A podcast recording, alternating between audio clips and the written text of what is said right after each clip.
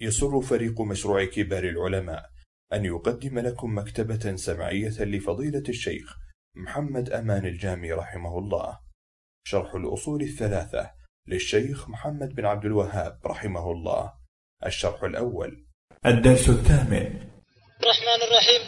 الحمد لله رب العالمين وصلى الله وسلم على نبينا محمد وعلى آله وصحبه أجمعين. وبعد قال الشيخ رحمه الله تعالى الرسل مبشرين ومنذرين والدليل قوله تعالى رسلا مبشرين ومنذرين لئلا يكون للناس على الله حجة بعد الرسل. وأولهم, وأولهم نوح عليه السلام وآخرهم محمد صلى الله عليه وسلم وهو خاتم النبيين.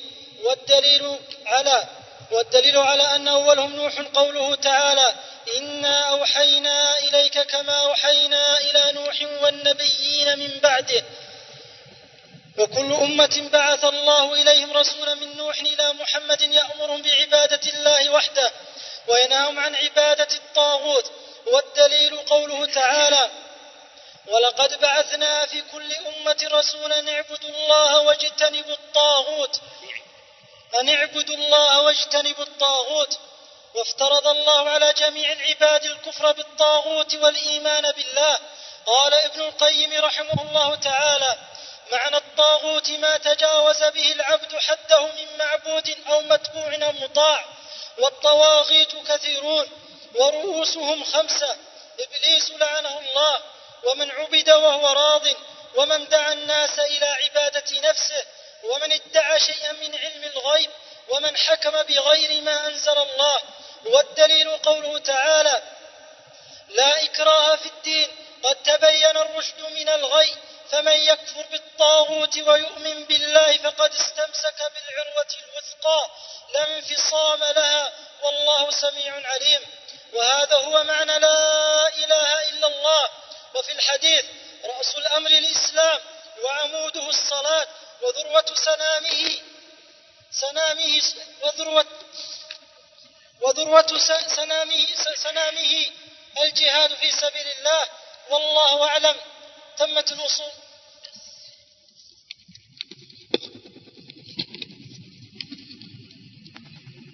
الحمد لله رب العالمين وأشهد أن لا إله إلا الله وحده لا شريك له وأشهد أن نبينا محمدا عبده ورسوله. اللهم صل على محمد وعلى آل محمد كما صليت على إبراهيم وعلى آل إبراهيم إنك حميد مجيد. اللهم بارك على محمد وعلى آل محمد كما باركت على إبراهيم وعلى آل إبراهيم إنك حميد مجيد. يقول الشيخ رحمه الله تعالى الإمام محمد بن عبد الوهاب وأرسل الله جميع الرسل مبشرين ومنذرين. في هذه الآية بيان وظيفة الرسل ووظيفة أتباعهم.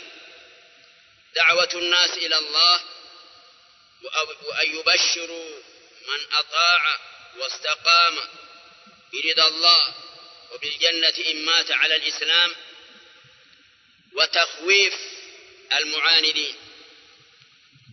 والدليل قوله تعالى رسلا مبشرين ومنذرين لئلا يكون للناس على الله حجة بعد الرسل.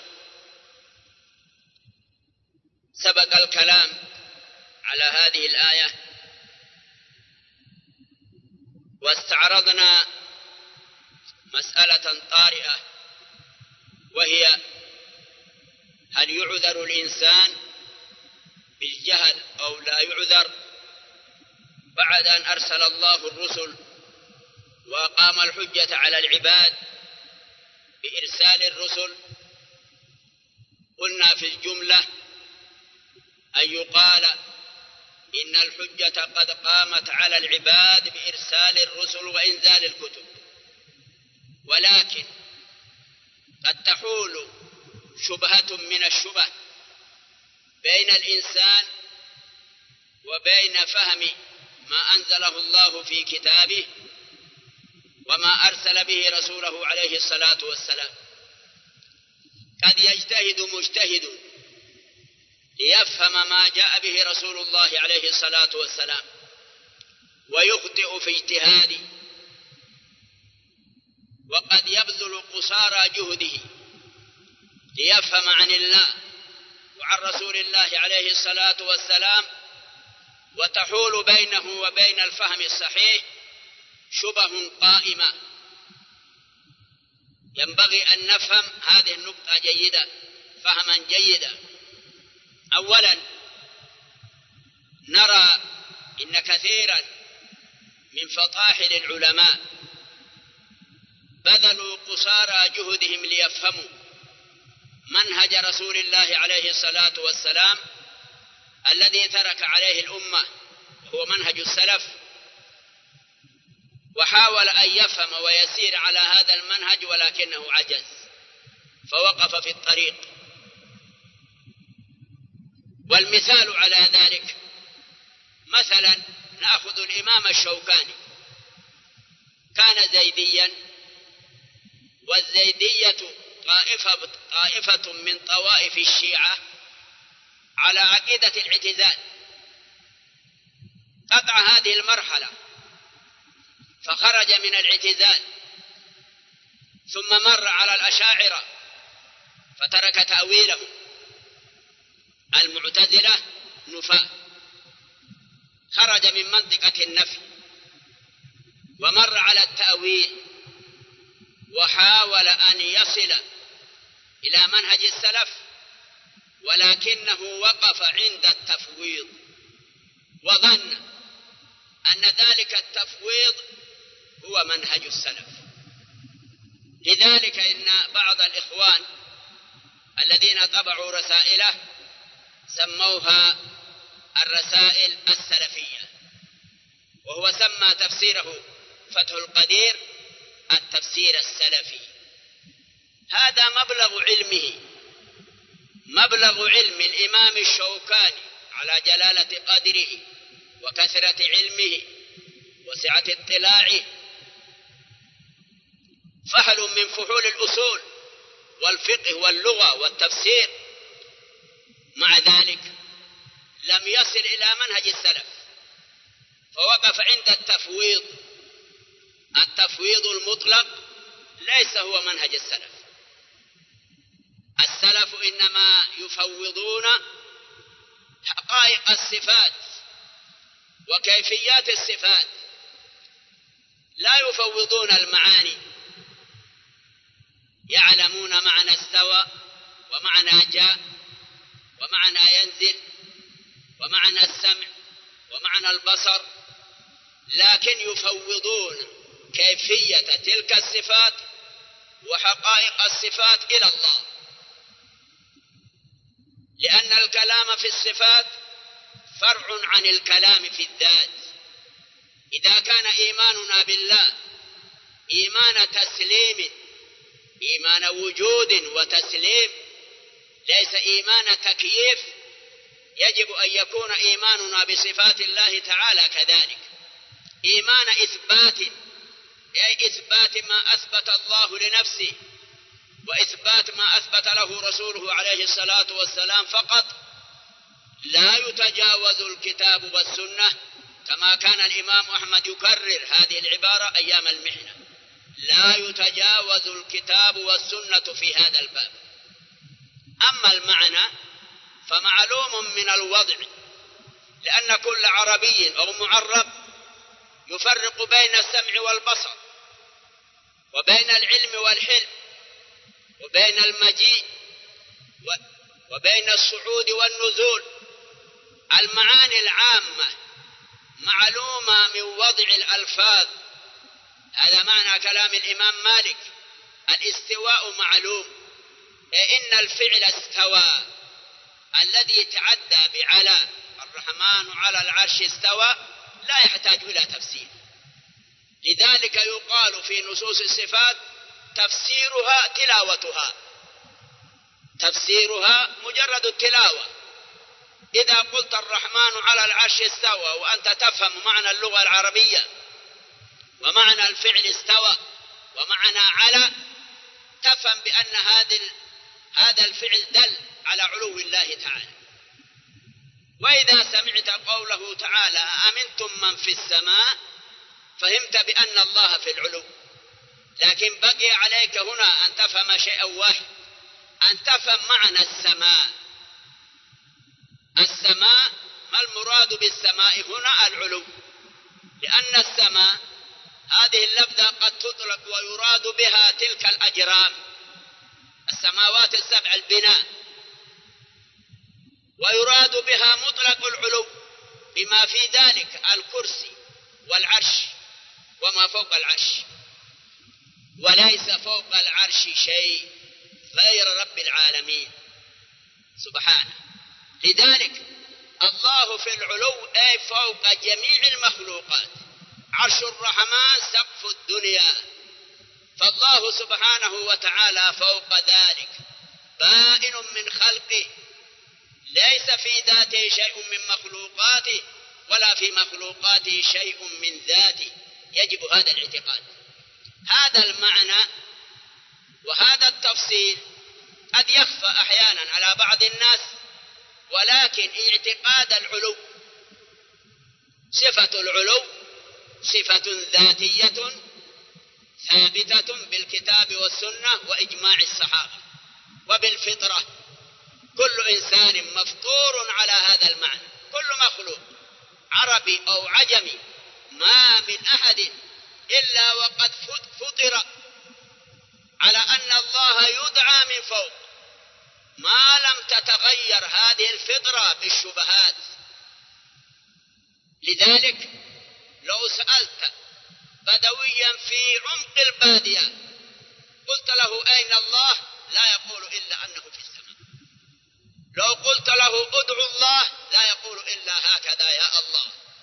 لا تجد أحدا يشير يمنة أو يسرى أو أسفل وهو يدعو الله أبدا. هذا معنى الفطرة إذا صفة العلو لله تعالى صفة ذاتية. أي؟ لم يزل الله متصفا بصفة العلو قط في لحظة من اللحظات. حتى في لحظة نزوله إلى سماء الدنيا كما يليق به هو في علوه. ويوم مجيئه لفصل القضاء هو في علوه. لأن نزول الرب سبحانه وتعالى لا يلزم منه انتقال جسم من مكان إلى مكان. حتى إذا نزل في مكان ما كان المكان الذي فيه فوقه.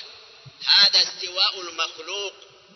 أما استواء الخالق لا يدرك كنهه. كيف يدرك كنه صفاته ولم يدرك كنه ذاته؟ لذلك يؤثر عن عن أبي بكر الصديق رضي الله عنه العجز عن الإدراك إدراك. العجز عن الإدراك هو الإدراك. عجزنا عن إدراك حقيقة الرب سبحانه وعن إدراك حقائق صفاته وأسمائه وأفعاله. هذا هو الإدراك. والإدراك الصحيح اعترافك بأنك عاجز. عن عن إدراك كيفية مجيئه وكيفية نزوله. عن إدراك معيته مع علوه وعلوه مع معيته. عاجز ونحن عاجزون. هذا هو العلم وهذا هو الإدراك. أعود فأقول السلف وأتباع السلف. إنما يفوضون هذه الحقائق. لا معرفة المعاني. الألفاظ كلها عربية التي جاءت بها صفات الله تعالى وأسماؤه وأفعاله. هذه الألفاظ فعلا أو اسما المعنى معلوم. ولكن الكيف هو المجهول.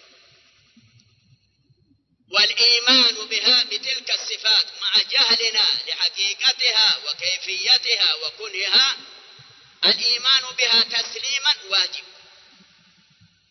والسؤال والبحث عن كيفية صفات الرب بدعة وبدعة ضالة. هذا الذي عليه سلف هذه وإذا جاء إنسان ما يريد أن يصل إلى هذه النقطة فعجز فظن أن منهج السلف تفويض التفويض المطلق. أي تفويض المعاني والحقائق معا. وأنهم لا يفهمون من النصوص إلا مجرد تلاوة الألفاظ. والمعنى لا يفهمون بل يفوضون. هذه طريقة المفوضة الجبناء وطريقة الواقفية وليست طريقة السلف. هنا وقف الإمام الشوكاني رحمه الله. أقول رحمه الله لأني أراه إنه معذور. قد بذل قصارى جهده. ليصل إلى منهج السلف ولكنه لم يصل. لأن كتبه دلت على أنه وقف عند التفويض. هذا معناه شيخ الإسلام فيقول إذا كان الله قد عذر من جهل وجوب الصلاة وتحريم الخمر لكونه نشأ في جهل حيث لا يوجد العلم فالفاضل المجتهد. فالفاضل فالمجتهد المخطئ أولى أن يعذره الله. لا يكلف الله نفسا إلا وسعها. ربنا لا تؤاخذنا إن نسينا أو أخطأنا.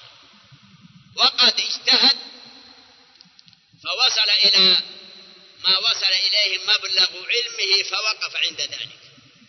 هكذا يقال فيه وفي أمثاله. كالحافظ ابن حجر والإمام النووي وأمثالهم تتفرع من هذه المسألة مسألة أخرى جاء فيها السؤال وهل معنى ذلك؟ أننا نعذر جميع الأشاعرة؟ الكلام لا. الأشاعرة لم يرفعوا رؤوسهم ليفهموا عن الله وعن رسول الله عليه الصلاة والسلام بل عكفوا على كلام أهل الكلام والتمسوا الهدى في غير كتاب الله فأضلهم الله. هكذا في أثر علي بن أبي طالب في وصف القرآن كما تحفظون من التمس الهدى في غيره أضله الله. هذا ما حصل للأشاعرة والماتريدية والمعتزلة قبلهم لأنهم اقتنعوا بأن الأدلة اللفظية لا تفيد العلم.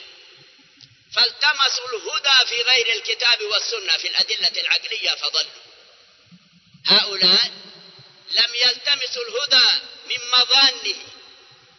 إنما يعذر من التمس الهدى في مظانه فأخطأ. أما الذي لم يلتمس الهدى في مظانه يقول أنا عقلي يبحث بعقلي. ويريد أن يعرف عن الله وعن رسول الله عليه الصلاة والسلام بعقله ويعرف الصواب من الخطأ بعقله ويفهم الدين كله بعقله. هؤلاء ضلال. ولو كان العقل كافيا في معرفة الحق لما أرسل الله الرسل وأنزل الكتب. يكون إرسال الرسل وإنزال الكتب عبث.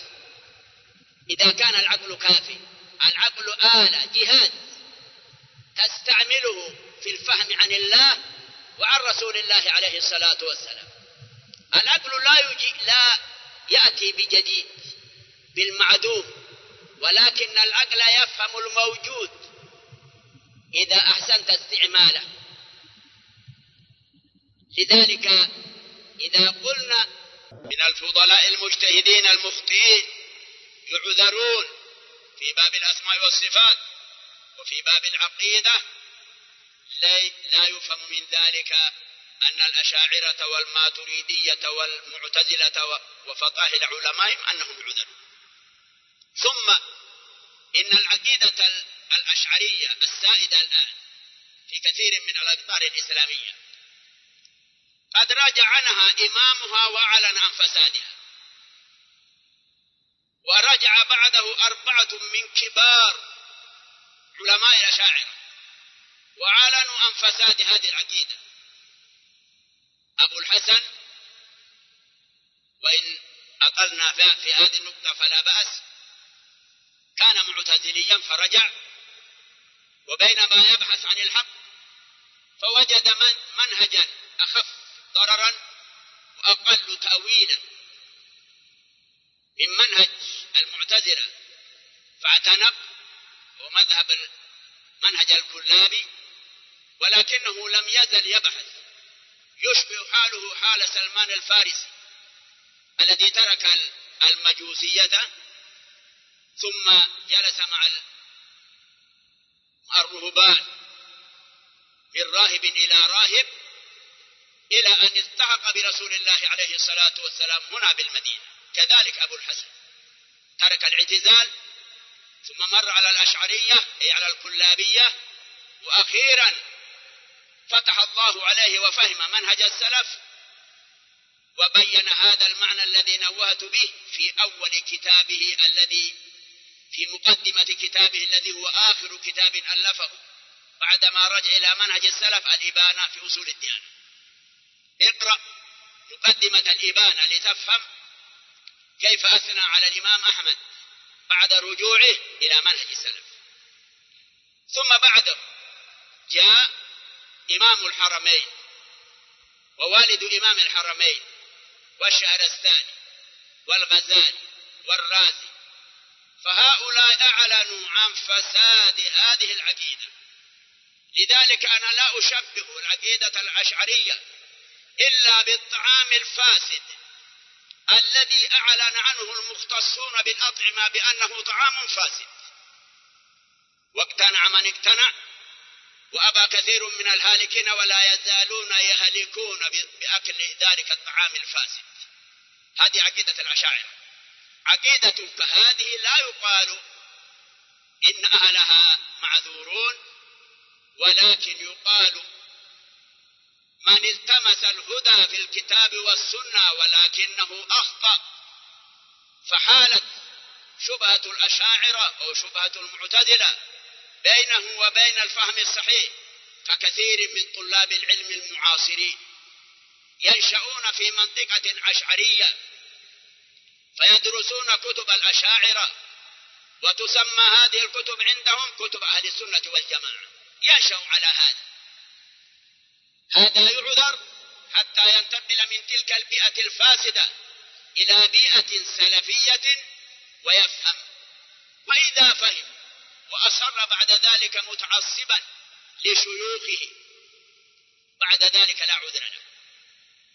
أما قبل ذلك ينبغي أن يعذر لوجود الشبهة. ادروا الحدود بالشبهات هذه شبهة قوية وجود أو انتشار العقيدة الأشاعرة.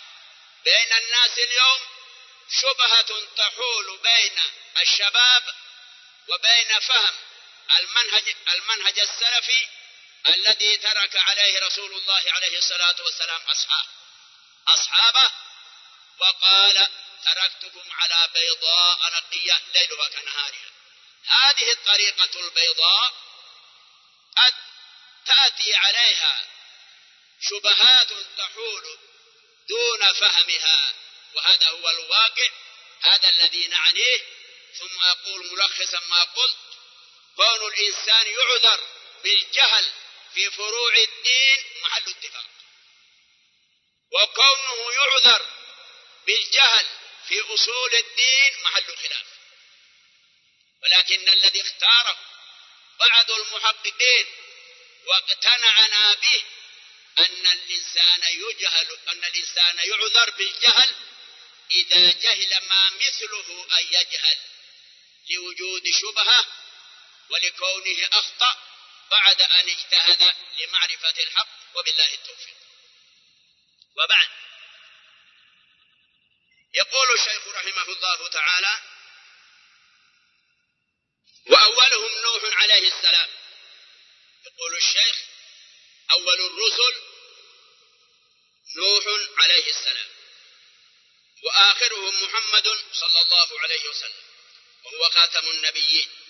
ما الدليل على أن نوحا أول الرسل؟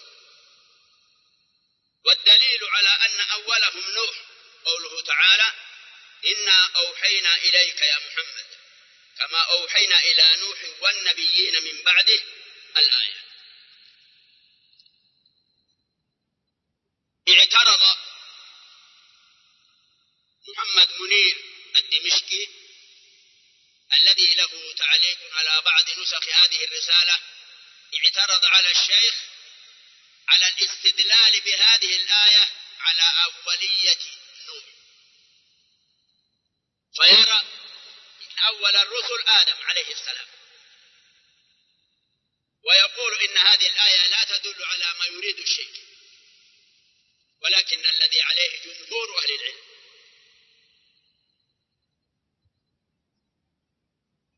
لا الشيخ وحده على أن أول الرسل نوح عليه السلام. السبب؟ والآية تدل وإن لم تكن صريحة. الدلالة من الآية ليست صريحة. ولكن الذي يؤيد هذه الدلالة الواقع. لأن الشرك لم يقع قبل نوح. فآدم نبي مكلم وليس برسول. والحديث الذي استدل به المنير الدمشقي حديث مضطرب وموجود في بعض نسخ هذه الرسالة. ولاضطرابه خالف الكتاب خالف نص الكتاب.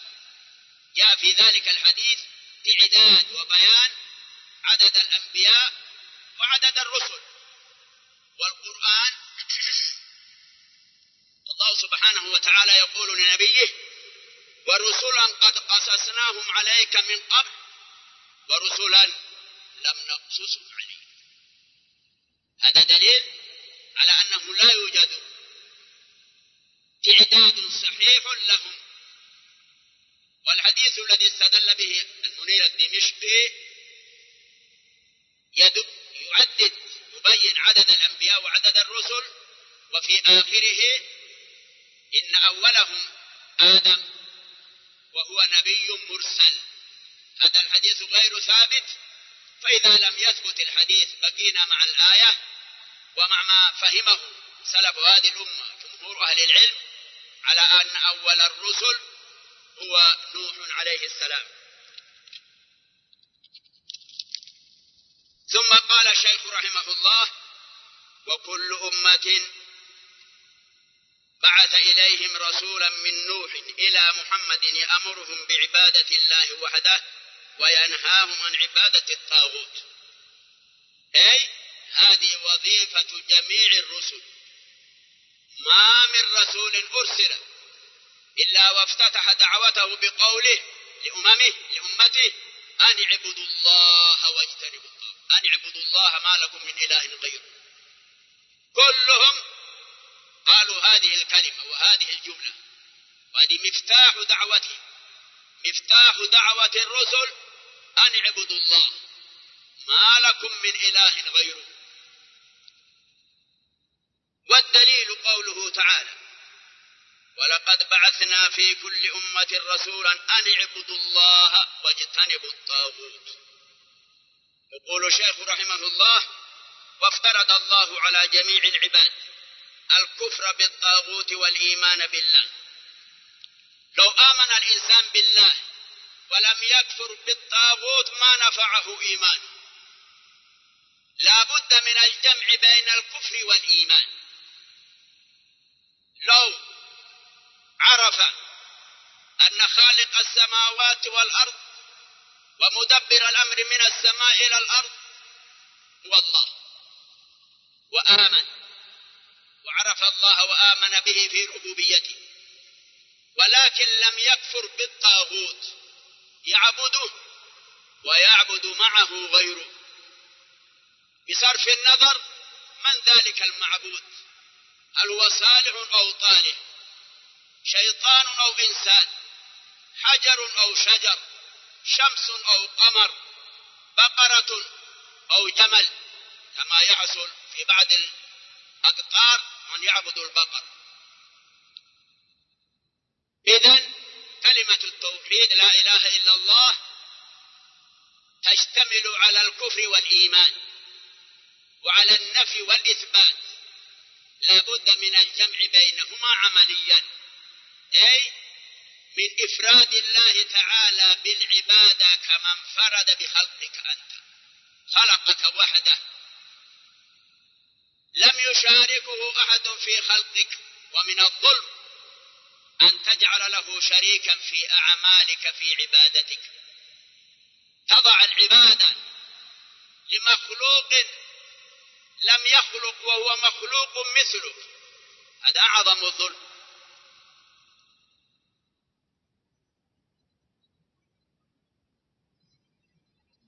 ابن القيم الهمزة في ابن همزة وصل لا قال ابن القيم رحمه الله تعالى معنى الطاغوت ما تجاوز به العبد حده من معبود أو متبوع أو مطاع. ما تجاوز به العبد حده ما حد العبد. حد العبد هو عبد. أن يكون عبدا لخالقه وسيده ومولاه. لا يتجاوز. أما إذا تجاوز سيده وخالقه ومولاه عبد معه غيره. ذلك الغير الطاغوت.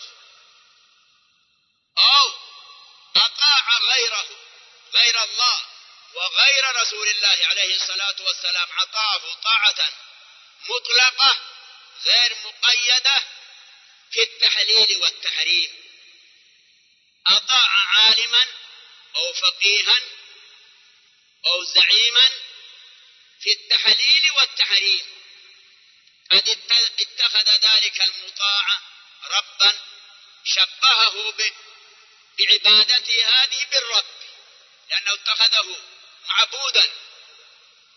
اتباع العلماء والأمراء والزعماء في التحليل والتحريم. أي في تحليل ما, ما حرم الله وبالعكس تعتبر عبادة له. ومن بالغ في طاعة مخلوق إلى درجة أن يحرم ما أحل الله أو أحل ما حرم الله قد عبده واتخذه ربا معبودا فأصبح ذلك المطاع طاغوتا لأنه تجاوز به العبد حده. أو متبوع اتبع شيخ طريقته فخرج به عن الجادة إلى الملفات إلى بنيات الطريق. فشرع له عبادات أنواعا من العبادات.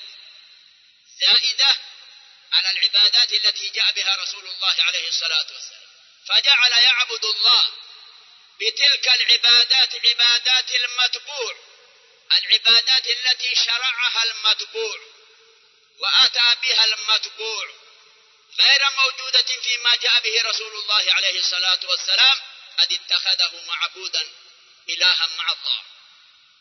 هكذا هذا كلام العلامة ابن القيم الطاغوت كل ما تجاوز به العبد حده من معبود أو متبوع أو مطاع. ذلك شريطة أن يكون ذلك المتبوع أو المطاع على علم. أما من عبد بعد الصالحين وهم لا يعلمون كالذين عبدوا عيسى وأمه كالذين عبدوا الشيخ عبد القادر الجيلاني رحمه الله عالم حنبلي سلفي بغدادي. هذا بالاختصار وصاحب الكرامات. هذا ما ذكره الذهبي عن شيخ عبد القادر الجيلاني الذي يعبد في كل أرض. إلا ما شاء الله. الشيخ عبد القادر الجيلاني سوف يتبرأ من أتباعه الذين اتبعوه وعبدوه يوم يتبرأ عيسى من النصارى من عبادة النصارى. هكذا بهذا التعريف الشامل المانع. عرف الحافظ ابن القيم الطاغوت. فاستهنأوا بأن هذه مثل هذه المعرفة التي عثرتم عليها في هذه الرسالة الصغيرة قد يجهلها كثير ممن ينتسب إلى العلم. وهذا من بركة دراسة المنهج السلفي منهج مبارك. لا يختلف في مرحلته الابتدائية ومرحلته الجامعية وما فوق الجامعة. منهج موحد. لأنه مأخوذ من كتاب الله ومن سنة رسول الله عليه الصلاة والسلام. وبعد. يقول الشيخ رحمه الله والطواغيت كثيرون ورؤوسهم خمسة. إبليس لعنة الله عليه. ومن عبد وهو راض. أما الذي عبد وهو غير راض ليس بطاغوت كما قلنا. من عبد وهو راض. بل قد يدعو الناس إلى عبادة نفسه. ومن دعا الناس إلى عبادة نفسه. هما اثنان. أحدهما لم يدعو الناس. ولكن رأى الناس بالغت فيه وعبدته. سكت على ذلك قد اطمأن إلى ذلك. وربما استغل ذلك في استدرار الخيرات من أموالهم. هذا هو واقع كثير من مشايخ الطرق. وبعضهم أجرأ من هذا يدعو الناس إلى عبادة نفسه. فيقول لهم لو توسلتم لو تركتمونا نحن السلسلة القادرية. لو تركتمونا وتوسلتم برسول الله عليه الصلاة والسلام ما نفعهم ذلك. يجب أن تبدأوا بنا. الشيخ يقول للمريد وللدراوشة ابدأوا بنا نحن في التوسل البدعي فإذا توسلوا به زاد لهم الاستغاثة بهم. ثم الانتقال إلى الاستغاثة برسول الله عليه الصلاة والسلام. هكذا يدعوهم إلى الكفر بالله والخروج على ما جاء به رسول الله عليه الصلاة والسلام. هذا الواقع الذي نذكره وإن كنتم لا تعلمون أو أكثركم لا يعلم واقع يجري الآن في كثير من الأقطار الإسلامية. التي ينتسب أهلها إلى الإسلام ولكنهم يجهلون الإسلام الصحيح بسبب شبه الصوفية التي حالت بين الناس وبين فهم العبادة الصحيحة لرب العالمين.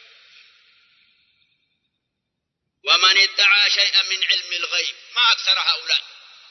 الكهان والعرافون والمنجمون هؤلاء كلهم يدعون علم الغيب. لذلك من صدقهم يكفر مثلهم ومن حكم بغير ما أنزل الله. هذه هي الطامة من حكم بغير ما أنزل الله. لو جيت تعدد. الذين يحكمون بما أنزل الله. كم نسبتهم إلى نسبة الذين يحكمون بغير ما أنزل الله؟ أجب على هذا في نفسك. ما نسبة الذين يحكمون بما أنزل الله اليوم؟ ما نسبتهم إلى الذين يحكمون بغير ما أنزل الله؟ الله المستعان. بغير ما أنزل الله يشمل القوانين المستوردة شرقية أو غربية والعادات والسواليف المحلية التي يقف عندها كثير من أهل البادية في كثير من الأقطار يحرمون بها ويحللون بها. أي وجدنا على ذلك آباءنا. آباؤنا كانوا يقولون كذا وكذا. كانوا يحكمون بكذا وكذا. يحللون ويحرمون على ضوء تلك السواليف هي كلها من الحكم بغير ما أنزل الله. الذين يحكمون بغير ما أنزل الله. ما من صيغ العموم.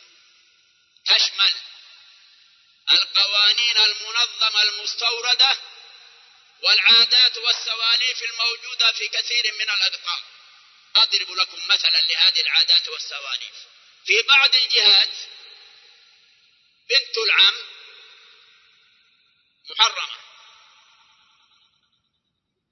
وبنت العمة حلال. وبنت الخال حلال. وبنت الخالة محرمة. اسأل من أين جابوا هذا الخلط؟ وعلى هذا تمشي كثير من الأمم. وأن الإرث عند بعض ال... عند بعض الناس في بعض الأقطار الإرث للرجال دون النساء. بل عند بعضهم للرجل الأول البكر. غيرهم لا. المال كله لواحد لأحد الأولاد. للرجل الأول للابن الأول. لا البنت ولا الأبناء من بعد.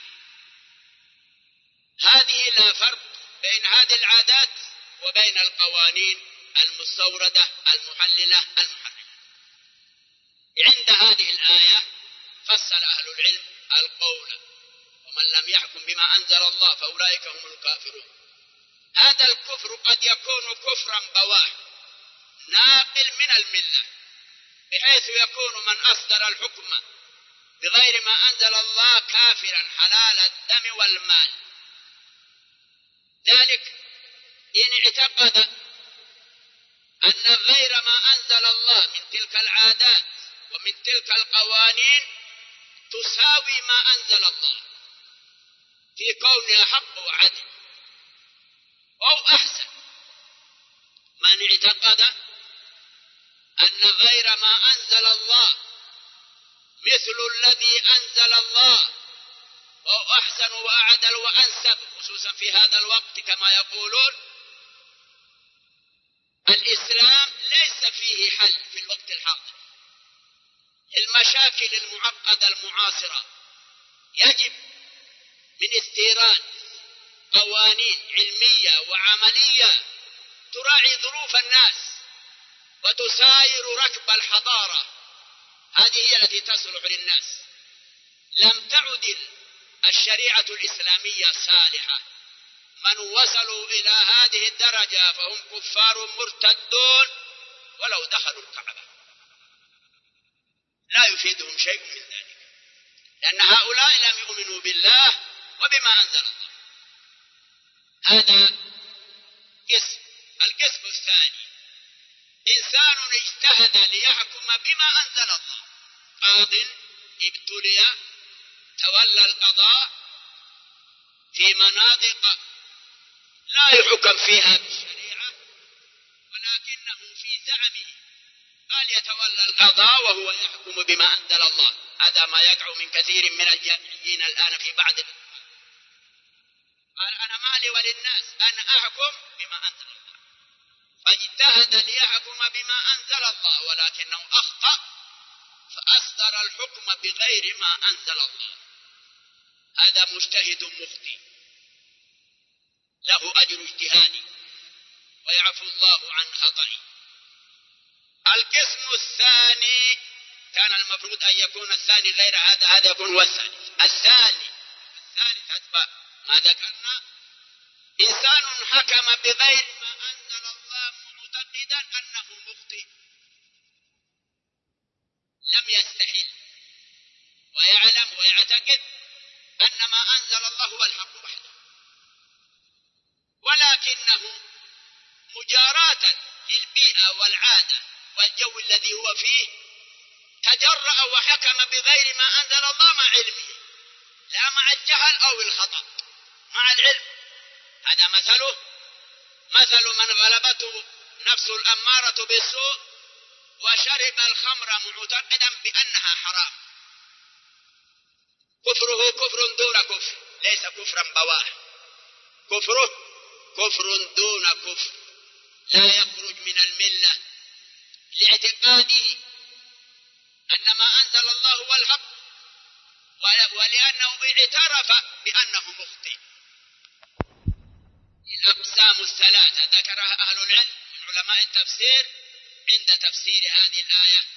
ومعرفة هذا التفسير مهم جدا لأن الآية أطلقت ويجب أن نعلم هذه الأنواع وهذا التفصيل حتى نعدل في حكمنا ولا نبالغ.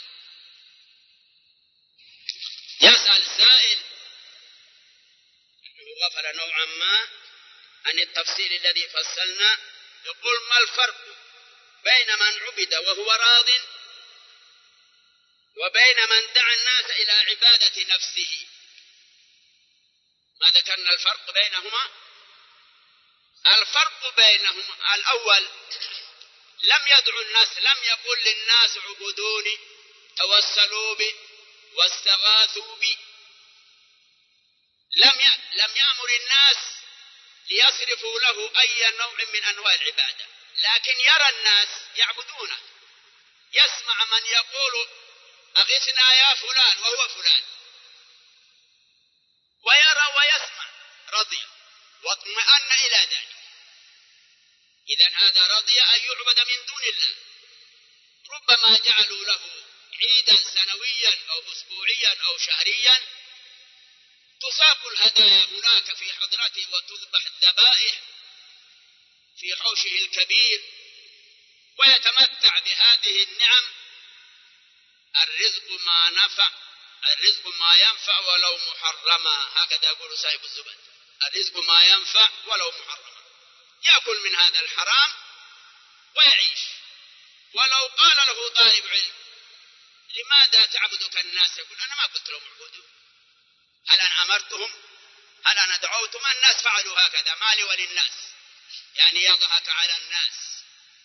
والموت والمسألة تنطلي على الناس وهل تنطلي على رب العالمين؟ يا سبحان الله. وهو راض؟ هذا واحد. الثاني أكثر جرأة من هذا. وأكثر ضلالا يقول للناس من لا شيخ له فشيخه الشيطان. هذا حديث صوفي وضعته المتصوفة لتسخير الناس. من لا شيخ له المراد بالشيخ ليس المعلم لا المتبوع. من لا شيخ له فشيخ الشيطان. الناس أطاعت. ولما قربوا منه قال لهم إذا أردتم أن تتوسلوا أو تستغيثوا لا تبدأوا برسول الله عليه الصلاة والسلام لا ابدأوا بنا نحن. بشيخنا وشيخ شيخنا والطريقة القادرية والسلسلة التجانية حتى تصل إلى الرسول عليه الصلاة والسلام بالمدينة. تبدأ من عندهم من هناك. يدعو الناس إلى عبادة نفسه. بينهما فرق وما في فرق؟ فرق واضح. الرضا أخف من الدعوة الصريحة لكن الفرق بينهما واضح. والله أعلم. بالنسبة لي أنا أرى أنه بينهما فرق. وبعد. والدليل قوله تعالى لا إكراه في الدين قد تبين الرشد من الغي. هذه الآية قد يستدل بعض المتحذلبين بهذه الآية على ترك الناس من الدعوة. ويجعلون هذه الآية تمنع من الدعوة. لا إكراه في الدين قد تبين الرشد من الغي. ما لكم وللناس؟ لا. الدعوة شيء والإكراه شيء آخر. نحن ندعو الناس ولا نكرههم.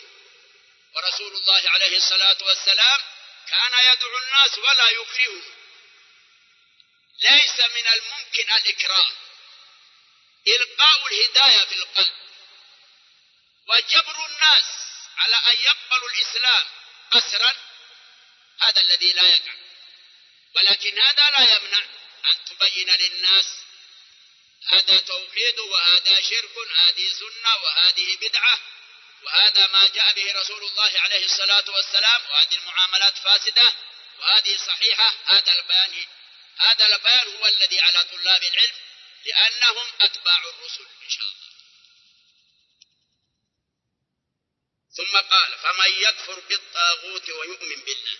ما أشبه هذه الآية بكلمة التوحيد. لأنها قدمت النفي على الإثبات مثل كلمة التوحيد تماما. لا إله إلا الله.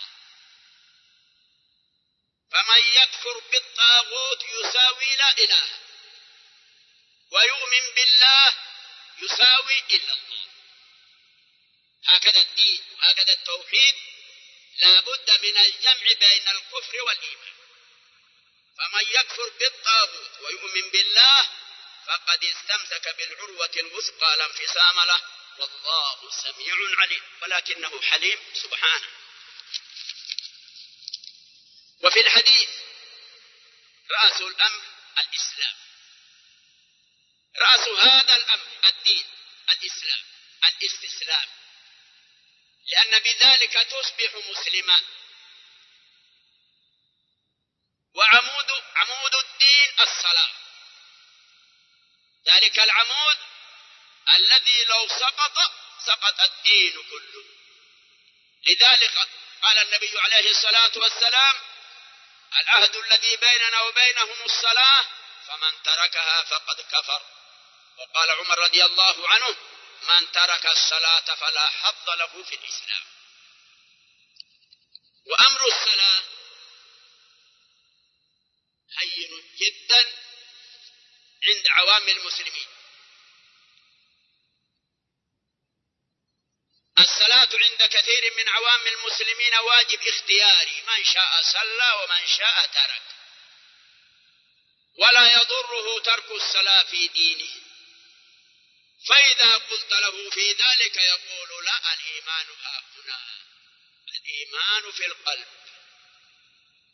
ولو كان قلبك عامرا بالإيمان لما تركت الصلاة. ولما خرب قلبك تركت الصلاة.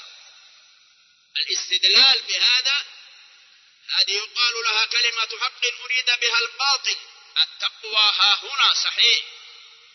لكن كون الإنسان يترك ركنا من أركان الإسلام ويرتكب القبائل ويرتكب المحرمات فإذا نصح وأرشد قال لا الإيمان ها هنا. هذه كلمة حق أريد بها الباطل. لا ينبغي أن تقبل. وذروة سنام الجهاد في سبيل الله. ذروة الشيء أعلى. الجهاد في سبيل الله يعتبر في القمة في الإسلام لأن به ظهور الإسلام. بالجهاد يظهر الإسلام. بالجهاد تظهر عزة المؤمن وقوة المؤمنين. ولما كان الجهاد معمولا به عند المسلمين الأولين كانوا محل مهابة جعل الله لهم هيبة في قلوب أعدائهم وهم فقراء ضعاف في هذه الجزيرة. تخافهم الدولتين العظميين في ذلك الوقت. وهل تعرفون من هما؟ الفرس والروم يمثلان أمريكا والسوفيت اليوم تماما. ولكن المسلمون الذين لا يملكون شيئا من الاستعداد كما تملك تلك الدول العظمى لهم مهابة. إذا جاء نحيف منهم راكبا لبعيره خافوا منه وارتعدوا. ما الذي أتى بهم هل أخرجهم الجوع لا لم يخرجهم الجوع خرجوا ليخرجوا الناس من عبادة الناس إلى عبادة رب الناس. كان لهم مهابة ولهم هيبة ولهم مكانة. لأنهم يجاهدون لأن القوم أدركوا إن المسلمين يحبون الموت كما يحبونهم الحياة الدنيا. يحبون الموت لأنهم يرون لا يصلون إلى الله إلا بعد الموت. فلتعلموا إنكم لن تروا ربكم حتى تموتوا. هذا كلام نحن نحكي باللسان وهم يحكون بقلوبهم وضمائرهم. لذلك هانت عليهم الدنيا. لم ينظروا إلى الدنيا كنظرتنا اليوم. نحن الآن ننظر إلى الدنيا كنظرة الكفار.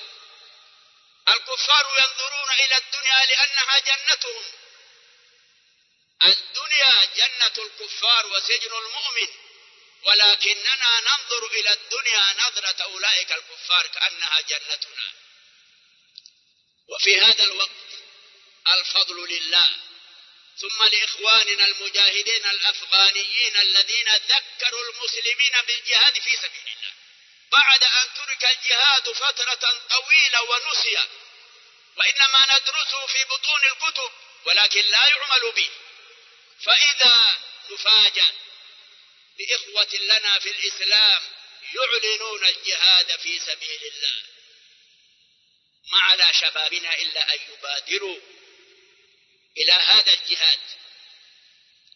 بهذه المناسبة أذكركم وأنصح شبابنا لأني أسمع هناك تشويشا حول ميدان الجهاد لوجود فصائل وقيادات ووجود هذه القيادات والفصائل نقول فيها قدر الله وما شاء فعل. كم كان جميلا وحسنا لو كانت القيادة قيادة واحدة موحدة. ولكن أنت أيها المجاهد لا تسأل أمام الله إلا عن نفسك. وهل القيادة التي أنت تجاهد تحت رايتها صالحة أو غير صالحة؟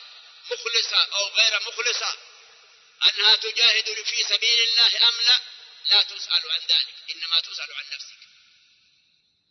قد يشترك مئات الناس وألوف الناس في الجهاد في القتال. المجاهد في سبيل الله فيهم قليل. والله أعلم من يجاهد في سبيله. هذا سر بين العبد وبين الله. نحن لا نحكم إلا أنه قاتل. لا نحكم له بالشهادة لو مات. لأن إذا حكمنا له بالشهادة حكمنا له بالجنة. ذلك ما لا نملكه. لكن نرجو له خيرا. عملا بالحديث من مات على خير عمله فارجو له خيرا. نرجو له الخير. ونشجع شبابنا على هذا الجهاد. الذي أعلن في وقت قد نسي الجهاد. لذلك نشكر إخواننا الأفغانيين فنسأل الله تعالى أن يوفقهم ويوحد كلمتهم ويزيدهم من توفيقه.